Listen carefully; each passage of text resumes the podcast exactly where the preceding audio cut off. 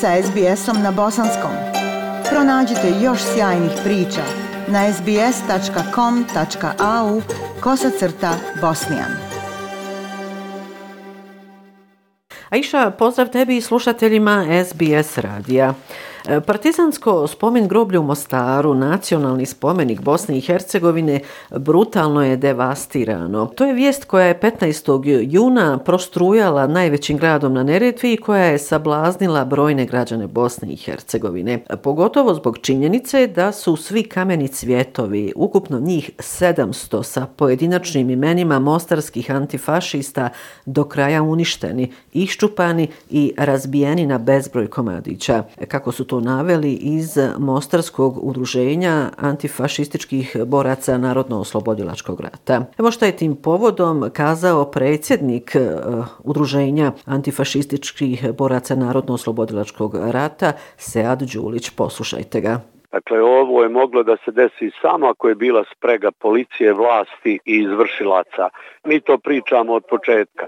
Ako to jeste tako, a mi smo uvjereni da jeste, dakle, ponovo, će policija reći da je istraga u tijeku i da su to uradili maloljetni huligani, što nije tačno, radi se o veoma ozbiljno organiziranoj neonacističkoj grupi.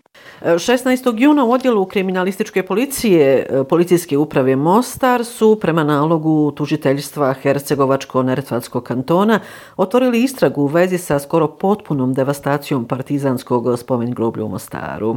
Naložena je hitna istraga sa poduzimanjem svih operativnih mjera sa ciljem otkrivanja počinitelja ovog nusnog e, čina.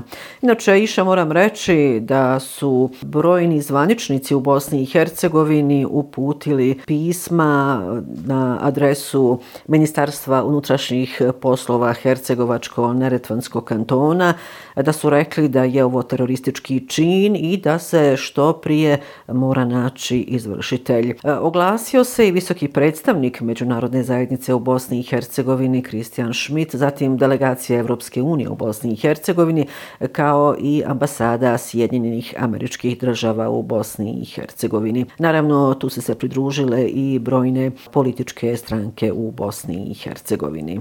Ništa novo na političkoj sceni, a evo podsjetit ću da je 12. juna, dakle vikend prije ovoga, lideri iz parlamentarnih stranaka u Bosni i Hercegovini Hercegovini, zapravo veći dio njih, su e, na poziv predsjednika Europskog vijeća Šarla Mišela proveli u Briselu. Veći dio njih dao je saglasnost na dokument e, politički dogovor o principima za osiguranje funkcionalne Bosne i Hercegovine koja napreduje na evropskom putu koji međutim nije potpisan. A iša u 19 tačaka dokumenta zapravo nema ničeg revolucionarnog. Uglavnom je to skup nekih općih načela koja se odnose na podršku u provođenju i poštenih izbora, zatim produženje misije EUFORA, ispunjavanje 14 prioriteta Evropske unije i tako dalje. Moram reći da su probosanske stranke e, načelno jesu za evropske integracije i oni su prihvatili ovaj dokument. U Briselu je bio i lider HDZ-a Bosne i Hercegovine Dragan Čović koji je kazao da će prihvatiti dokument, ali uz uvjet da se načine dvije izmjene koje se tiču promjene izbornog zakona u Bosni i Hercegovini. E, ne treba iznenaditi e, to što je dokument prihvatio Milorad Dodik s obzirom na to da suočen sa američkim sankcijama i ruskom izolacijom ponovo pokušava pokazati svoju kooperativnost sa Zapadom radi, e, kako su ovdje mnogi analitičari protumačili, spašavanja svoje, odnosno političke kože. Kada je riječ o opoziciji iz Republike Srpske, DNS i PDP, čiji su predstavnici bili prisutni na sastanku u Briselu, odbili su prihvatiti prihvatiti ove principe. Tako da nakon povratka iz Brisela nije bilo dakle ništa novo, da je svaki od političara koji je bio u Briselu na sastanku imao je svoje tumačenje, ali evo ponovit ću još jednom, u Briselu nije ništa potpisano. U nastavku još nekoliko a, riječi, odnosno a, političkih događaja. Dom naroda Parlamentarne skupštine Bosne i Hercegovine je zasjedao 15. juna i usvojio je izmjene i dopune izbornog zakona Bosne i Hercegovine koji su predložili HDZ-ovi delegati. Za ovaj zakon glasalo je sedam delegata, jedan je bio suzdržan i šest ih je bilo protiv. Ovaj zakon sada u hitnoj proceduri ide u predstavnički dom Parlamentarne skupštine Bosne i Hercegovine. A iša evo podsjetit ću da ovim izmjenama bi se između ostalog mijenjao izbor člana predsjedništva iz reda Hrvata, pa bi umjesto dosadašnjeg koji je podrazumijevao izbor Hrvata iz Federacije Bosne i Hercegovine koji je ostvario najveći broj glasova, dodala i nova stavka da on treba imati i najviše glasova u minimalno tri od sljedećih pet kantona. Hercegovačko-neretvanski, Livanski, Zapadno-hercegovački, Srednjobosanski i Posavski. Naravno, ostaje otvoreno pitanje ko će podržati ove izmjene u predstavničkom domu Parlamentarne skupštine Bosne i Hercegovine. Sudeći prema izjavama e, političkih predstavnika, to se ipak neće desiti. Ali evo, ja ću se vratiti na ovu sjednicu Doma naroda Parlamenta Bosne i Hercegovine. Nakon što je ovaj e, zakon izglasan, novinarima se obratio lider HDZ-a Bosne i Hercegovine Dragan Čović, a potom i E, lider stranke demokratske akcije Bakir Izetbegović. Poslušajte najprije Dragana Čovića. On je usvojen. Pravila za izbore su vrlo jasna. Sjetite se Mostara. I Mostarski sporazum koji se odnosio na grad Mostar je usvojen u sedmom mjesecu aktualne godine. 2020. godine. Naravno, ta pravila su se primijenila za izbore u Mostaru, što znači vrlo jasan odgovor, pravna forma, ako bi se to osvojilo, to je ono što će se primjenjivati za izbore u desetom mjesecu ove godine. Evo što je također nakon sjednice Doma naroda rekao lider stranke demokratske akcije Bakir Izetbegović, koji je zapravo i na neki način e, jasno pocrtao da očito ovaj eh, uh, prilog izmjena zakona neće proći na predstavničkom domu parlamentarne skupštine Bosne i Hercegovine.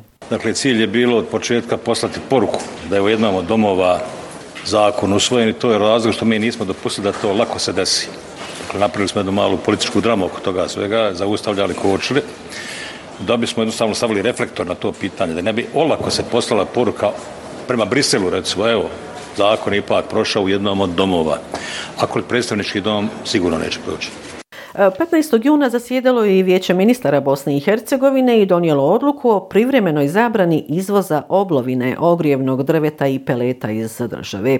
Riječ je o prijedlogu koji je tražila vlada Federacije Bosne i Hercegovine, a zatim i vlada Republike Srpske.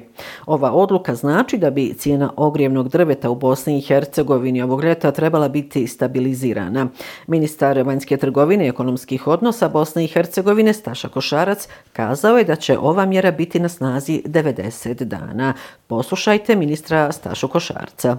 To u prevodu znači da će biti zabran izvoza i oblovine, i peleta, i ogrevnog drveta iz jednog prostog aspekta i razloga, s obzirom da smo imali jednu širu konsultaciju u vezi s tim, treba istaći da je pelet, čini mi se, poskupio 155% u odnosu na period prošle godine, a da je recimo samo izvoz povećan za prvi pet mjeseci ove godine u odnosu na period od prošle godine za 78% sa tendencijom daljnjeg povećanja.